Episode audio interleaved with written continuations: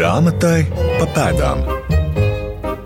Latviešu grāmatai 500. Labdien, godātie grāmatu vēstures draugi! Jūs sveicina Toms Strēbergs un atkal vēlos jūs ievilkt avīžniecības pasaulē. Ja atminamies, pavisam nesen iepazīstināju jūs ar pirmo regulāro preces izdevumu, vēl tolaik Zviedru karalistes Latvijā, proti Rīgiešu novellen vācu valodā. Šī izdevuma liktenis bija pakārtots Ziemeļu kara gaitas dinamikai, un, diemžēl, Rīga kapitulēja Moskavijas pārspēka priekšā, Un, starp citu, par šo runāsim vēl vienā raidījuma epizodē.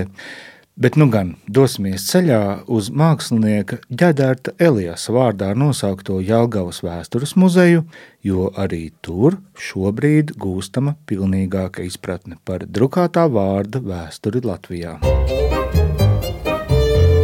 Grāmatai pa pēdām.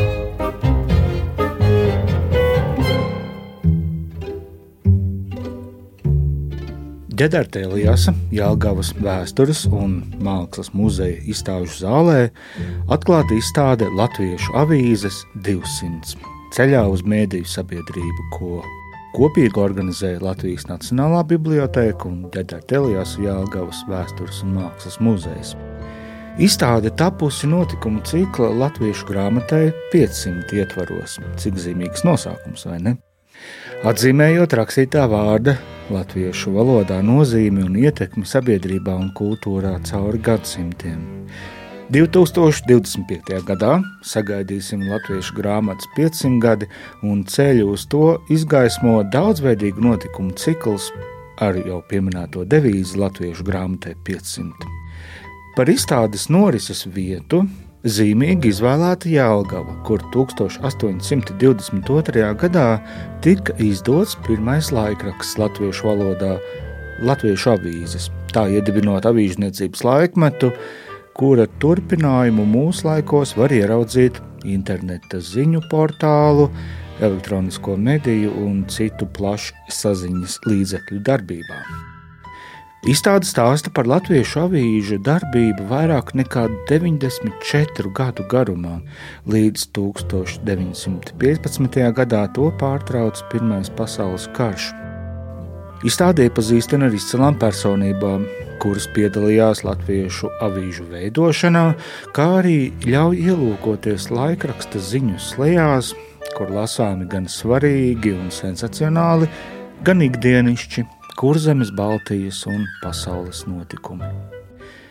Kāds bija Jālgavas nozīmīgums informatīvās telpas jaunradē, ja tā varētu teikt, stāsta ģenerāta Elijāsa Jālgavas muzeja direktors vietniece Marija Kaupere. Nekas nenotiek tukšā vietā. Tāpēc, ja mēs gribam saprast latviešu avīžu izcelsmi un kāpēc tas notika Jāgavā un nevis varbūt kaut kur citur, tad bez šaubām, ka tam ir sava priekšvēsture. Un proti, Jāgava savu spožumu kādreizējo nemaz tik ļoti zaudējusi nebija, jo tā bija guberņas centrs tajā laikā.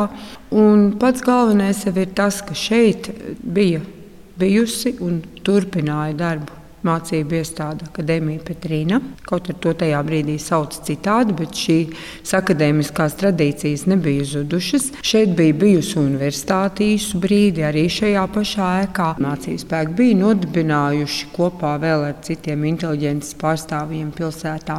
Nodibinājuši Kurzemes literatūras un mākslas biedrību, kuru mēs uzlūkojam par Latvijas Zinātņu akadēmijas pirmsākumiem, jau pirmo tādu zinātņu biedrību Baltijā. Bija jau tapis muzejs Jālgavā, kas bija otrs ārpus Rīgas Latvijas teritorijā. Ja? Lūk, un Jālgava vienmēr bija pat varbūt vairāk eh, kā ar citām lietām, varēja lepoties ar tādu kultūras pilsētas statusu. Un tāpēc, kad to visu tā saliekam kopā, tad var diezgan viegli atšķirt, kāpēc, uh, un vēl citi priekšnosacījumi, protams, kāpēc tām latviešu avīzēm laimējās dzimt Jālgavā, nevis, nevis Rīgā vai varbūt vēl kādā citā pilsētā Latvijas teritorijā, jo šeit bija arī labā Stefenhāgena izdevniecība. Akadēmija Petrīna piederēja izdošanas tiesības. grāmatu izdošanas tiesības. Tie bija citi laiki. Tas nebija tā, kā tagad mēs gandrīz visi varam izdot kaut ko. Avīzes izdošanas tiesības tika deleģētas Stefenhāgenam. Avīzes arī cenzēja. Tas e, Kurzemes gubernija bija taču Krievijas impērijas sastāvdaļa. Hercogijas laiks bija beidzies. Un līdz ar to e, arī, protams, ka tās bija, protams, ka tās bija atjaunotas un, un bez šaubām. Krievijas impērijā bija ļoti nopietna visa tā lieta. Tur tā nekas tā pa jokam nenotika. Kurzemes gubernija ir nu, tā, nu, Krievijas impērijas sastāvā nonākusi no hercogistas, jā, pārtapusi par guberniju, bet Jāgauta tāpat ir centrs. Joprojām. Un te ir savas tradīcijas, un te arī dzimtbūšana atceļ citā laikā. Tā, kā, tā atšķirība no vidzemes, kā mēs zinām, ir jau izsens bijusi. Nu, lūk, un tā kā ja mēs saliekam kopā visu to, kas šeit bija par labu šāda izdevuma tapšanai. Plus vēl tas, ka kurzemes mācītājiem visiem tika noteikts, ka sprediķi jāsaka latviski. Un vispār jārūpējas par eh, latviešu ļaužu nu, tādu apgaismošanu. Tāpēc arī viņi arī tiešām to darīja, un viņi runāja latviešu. Nu, arī bija šī doma par laikrakstu, bet es gribētu piebilst, ka, manuprāt, mācītājs tajā laikā no uh, visas vāciski runājošās inteliģences bija vistuvāk vienkāršiem cilvēkam. Jo viņš viņu redzēja baznīcā, satika. Tie bija viņa draugu locekļi. Viņš ar viņiem tikās, brauca pie viņiem arī, kad kādas nelaimes gadījās. Un... Viņš arī pieaugušam vīrietim varēja pateikt, mans bērns Jā, jā, jā. Un, un viņš arī, es domāju, vislabāk varēja iedomāties, ko tas latviešu zemnieks varētu, nu, kas viņu varētu interesēt, ko, par ko viņš gribētu lasīt, varbūt. Un vispār, vai viņš vispār gribēs lasīt, ja? un kā tad viņam to ziņu līdz viņam aizvadīt, lai, lai viņam tas nu, šķistu svarīgi, lai viņš gribētu to lasīt un, un tam līdzīgi. Manuprāt, mācītājs bija vispateicīgākā figūra tajā laikā, kas varēja, un viņš arī no kanceles varēja pateikt, ka nu, nu, lasiet. Ja, mani bērni, lasiet tagad laikrakstu, ja, un tas jums dos to un to, kurš cits vēl to varēja plašākai publikai pateikt. Nu, tās tādas varbūt pārdomas tikai, bet, bet tā varētu būt. Un tā arī tas laikraksts tad arī tapa. Izpētes augsta. Lai sāktos salīdzināšana, būtu jāpaskatās uz citiem skaitļiem, proti, uz lasīt prasmi, norāda Latvijas Universitātes sociālo zinātņu fakultātes profesore pētniece Vita Zelče. Turpinu. Tikko ir notikusi grandiozākā sociālā reforma, iespējams, visā mūsu teritorijas pastāvēšanas laikā, proti, dzimbūšanas atcelšana, kuras rezultātā aptuveni 90% cilvēku maina savu juridisko statusu. Viņi kļuvuši no atkarīgām cilvēciskām būtnēm par pilnīgi brīvām cilvēciskām būtnēm. Šajā kontekstā arī sākas mūsu teritorijā citi procesi, kas nozīmē pakāpenisku lasīt prasmes iegūšanu. Vita Zelčs turpina. Lasīt prasme tobrīd proti dzimbūšanas atcelšanas periodā, ir kaut kas līdzīgs mūsdienu datorprasmēm. Tātad pirmais instruments, lai cilvēks varētu ieslēgties savā laikmetā.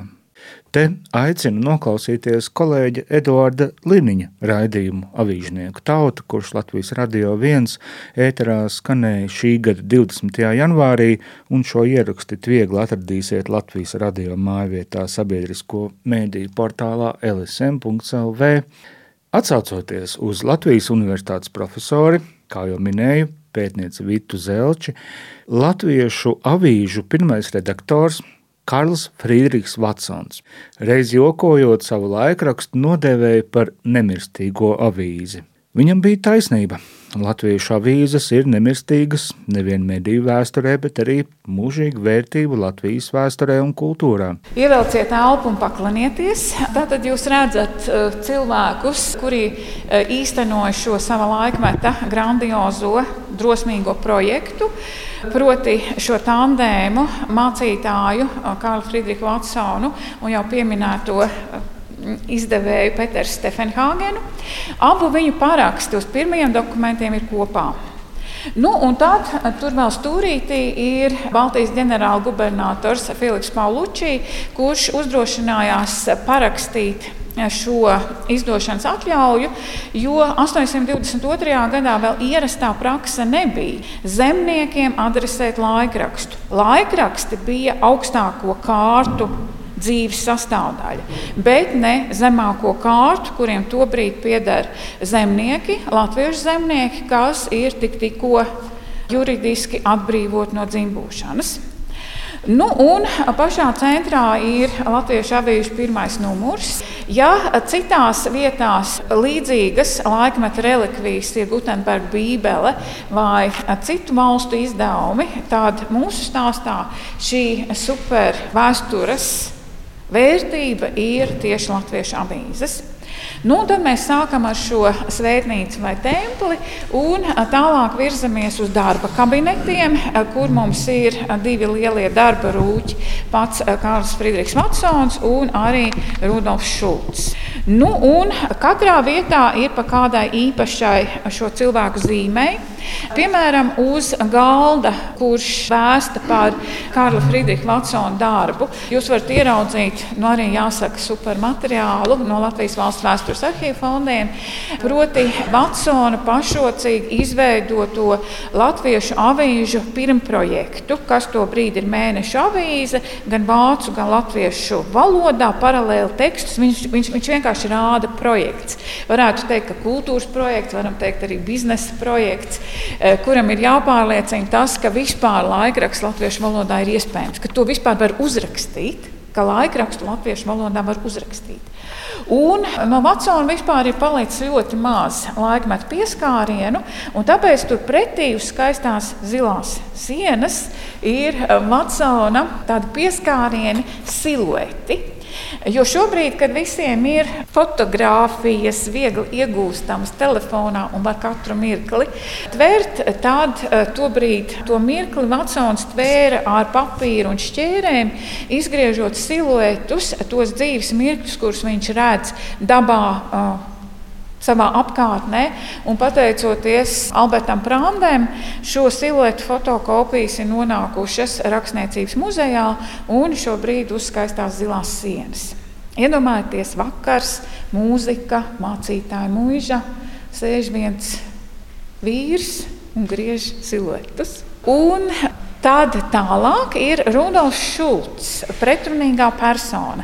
Bet pateicoties Unai, mēs vispār esam arī pārlauzuši laikmetu un esam Šulcu izkrāsojuši. Mēs esam pirmie, kas redz mūsu tādu zināmu fantāziju, kāds varēja izskatīties skarbais mācītājs Rudolfs Šulcs krāsās, proti šo melnbaltās fotografijas kopiju pārnesot krāsās.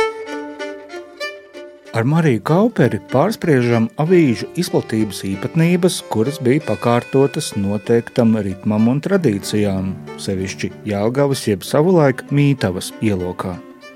Avīzes tika izplatītas vispirms pagastos. Tā bija mūsu latviešu avīžu priekšrocība, salīdzinot varbūt, ar kaimiņu valsti Igauniju. Te jautājums tika atrisināts tā, ka pagastu valdes pasūtīja laikrakstu, abonēja tātad, un tas pienācās arī tiesu institūcijām. Līdz ar to vīzē bija vieglāk iznākt, jo paļauties tikai uz individuālajiem abonentiem tajā laikā, eh, nu, tas bija. Ņemot vērā Jā, jā, un vispār tas uh, latviečs jau nu, īsti vēl nu, nevar novērtēt, kas tas ir. Vai viņam vajadzētu izdot vairākus rubļus par avīzi, nu, par papīru. Ja? Tas būtu bijis daudz grūtāks ceļš, un kas zina, varbūt būtu piemeklējis arī mūsu laikrakstu pirmo igauņu laikrakstu liktenis. Bet tas bija kārtots citādi, un tā jau bija tāda stabila nauda, ar ko varēja rēķināties un, un, un izdot. Un, protams, ka tas abonentu skaits augas. Ja pirmais numurs bija 200 eksemplāros, tad pēc tam jau tas tur tā. Nu, stipri, stipri vairojās. Otra lieta ir tā, ka nu, laikraksts parasti bija krogā. Vīri sapulcējās pie reizes, palasīja avīzi varbūt pat visi neprata lasīt, bet kāds lasīja priekšā, bija ko apspriest, un tās runas jau bija daudz saturīgākas nekā tikai par notikumiem kaimiņu vai pašu pagastā. Ja? Tā kā lūk, šādās vietās, noteikti iebraucamajās vietās un, un vēlāk kafejnīcās, tur savukārt dāmas varēja lasīt un apspriest. ziņas, kas viņas interesēja. Lūk, tā arī tā izplatība bija, jo visā kurzemes gubernijā jau nu, izplatīja to avīzi. Un tā jau un aiz, aizceļoja jau arī tālāk, bet nu, tas bija tā absolūti skaidrs, ka gubernijā noteikti. Jā. Latviešu avīzes tika izdotas no 1822. gada līdz 1915. Laikraksts tika iespiests Jālgavā sakotnēji reizi nedēļā no 1901. gada divas, bet jau pēc desmit gadiem trīs reizes nedēļā. Savukārt no 1913. gada laikraksts tika izdots katru dienu. Izdevuma ievērojamākie redaktori ir Kārlis Friedrichs Vatsons, Vilhelms Pantēnijs, Rudolfs Šulcs un Augusts Bīlenšteins. Vita Zelča vairāk pastāstīs par Rudolfa Šulca figūru. Šulcs pretruna persona. No vienas puses viņš piespieda latviešu publiku lasīt. No otras puses, Šulcs bija viskvēlākais latviešu nācijas pretinieks. Redzat, it kā cilvēks divdabis, cilvēks ar divām pusēm. Un arī varbūt pateicoties Rudolfam Šulcam, tieši šī jaunlatviešu kustība, nacionālā atmoda bija tik spēcīga tieši mūsu zemē. Man visu laiku jāsaka mūsu zeme, mūsu teritorija, jo Latvijas tobrīd kā tādas vēl nav. Un, tāpēc arī iespējams sākās tas tālākais, ļoti spējīgais gan kultūras, gan nacionālās pašapziņas, nacionālās identitātes, dziesmu svētku, teātris spēlēšanas un daudz citu aktivitāšu uzplaukums. Un Šulcs piespieda lasīt ar karšu starpniecību. Tagad iztēlojieties, ka jūs pasauli nemaz nepazīstat, bet norisinās Krimas karš. Tā laika lielākais notikums, tāpat kā laikos, Bet, lai saprastu, kas tajā karā notiek, ir ar pirkstu jāvelk līdzi laikrakstā pieminētajām vietām, un to var izdarīt kartē. Un redzat, kā var būt uzreiz paplašinās zemnieku mājas pasaule, un arī radās kara izjūta saistībā ar konkrētām vietām. Pa, pārvietošanos, kā armija pārvietojās, kā cilvēki pārvietojās, kur, un jāsaka arī, kur cilvēki mirst. Iespējams, ka katru eksemplāru izlasa vismaz desmit, varbūt pat simts cilvēki, jo lasīt kolektīvi vienu laikrakstu eksemplāru apgādāt vairākas mājas. Nu, tas ir ļoti daudz arī salīdzinot pret tā laika lielajām pilsētām. Lielos laikrakstus lielajās pilsētās nedrukāja vairāk. Stāstījumu turpina Marija Kaupera. Tam rakstītajam vārdam uz papīra ir tomēr cits svars, jo tas pilnīgi noteikti paliks. Var kaut kas iet bojā, bet nekad ne viss. Kāds būs liktenis mūsu mīļajiem medijiem internetā, tu, un kā mēs tos saglabāsim? Un es nesaku, ka viss ir jāsaglabā, nekad nav visam jāpaliek, bet kā tas veidosies, tas vēl ir viss stingri jauns, un mēs to vēl tā pavisam nezinām. Tāpēc man šķiet, ka pavisam no laikrakstiem un žurnāliem vēl atteikties nevar. Pirmkārt, vēl ir tās paudzes cilvēki, kam ir ļoti svarīgi paņemt rokā laikrakstu. Un man jāteic, ka ja laikrakstu nu, ziņas, protams, ka es lasu internetā pārsvarā. Jā, varbūt kultūras diena ir atsevišķa un tā. Bet grāmatu es nevaru, es neprotu lasīt. Grāmatu datorā atrast to, ar ko piesaistīt eh, lasītāju. Jā, problēma rakstā ir viena lieta, tā, tam ir sava auditorija, bet, bet pats ziņas pasniedzot tādas absolūtas aktualitātes, nu, tas noteikti ir. Es domāju, tas ir nesalīdzināms grūtāk kā Vatsona laikā. Svarīgā grāmatzīme. Raugoties dziļākos vēstures līkločos, nevienu brīdi vien jādomā par jauno paudzi, proti jauniešiem, kuri informācijas uzņemšanas intensitātei ir daudz augstāks apjoms salīdzinot ar vidusmēra informācijas tehnoloģiju pakalpojumu lietotāju. Tādēļ šīs izstādes kontekstā vēlējos uzzināt Marijas Kaupers, Ģedarta Eliasa Jāgaunas vēstures muzeja direktors vietnieces viedokli. Es šad un tad eh, lasu viņu sagatavotos projektu darbus, kādus referātus. Es domāju, ka viņi ļoti labi prot izmantot to, ko piedāvā mediji. Viņi to noteikti prot izmantot labāk par manas paudzes cilvēkiem, jo viņi faktiski ar to ir piedzimuši. Ja? Un tā atkal ir ļoti laba lieta. Es domāju, ka par to vajag tikai priecāties. Un man jau ir diezgan cerīgs skats uz nākotnē, jo nu, es domāju, ka tos jauniešus, ko mēs redzam, nu, li ļoti lielā mm, vairumā, viņi tomēr ir gan erudīti, gan, gan ar, teiktu, arī ar pietātu pret vērtībām. Ja? Un tas, eh, tā viņu mediju pratība ir, es domāju, ka laba. Nu, skolotāji to noteikti redz labāk, bet eh, ar saviem jauniešiem, ar tādu vecumu pusauģu, mazliet vecākiem radu bērniem, var redzēt, ka viņi viņi lasīs, un, un viss būs labi. Viņi prot, un galvenais tas labi, ka jūs to jautājumu uzdevāt, viņi prot izmantot šīs lietas. Tikpat svarīga grāmatzīme ir Vita Zelčes sniegtais ieskats par latviešu avīžu noslēgumu periodu. Nu, tad mums ir gandrīz noslēgums, kad latviešu avīzes savas darbības pēdējos gados pārtop par supermodernu izdevumu. Proti, tiek mainīts izdevējs, kā jau tas notiek Un Jāgaunieks Jānis Bisenieks ir jaunā projekta priekšgalā. Par viņu stāsta fotografija un vāze. Bisenieki tagad ir, jāsaka, ir atkal modē, jo viens no galvenajiem Krievijas opozicionāriem, Vladimirs Kāramurza, izrādās ir radinieks šiem pašiem biseniekiem, kas ir saistīti ar latviešu avīzēm.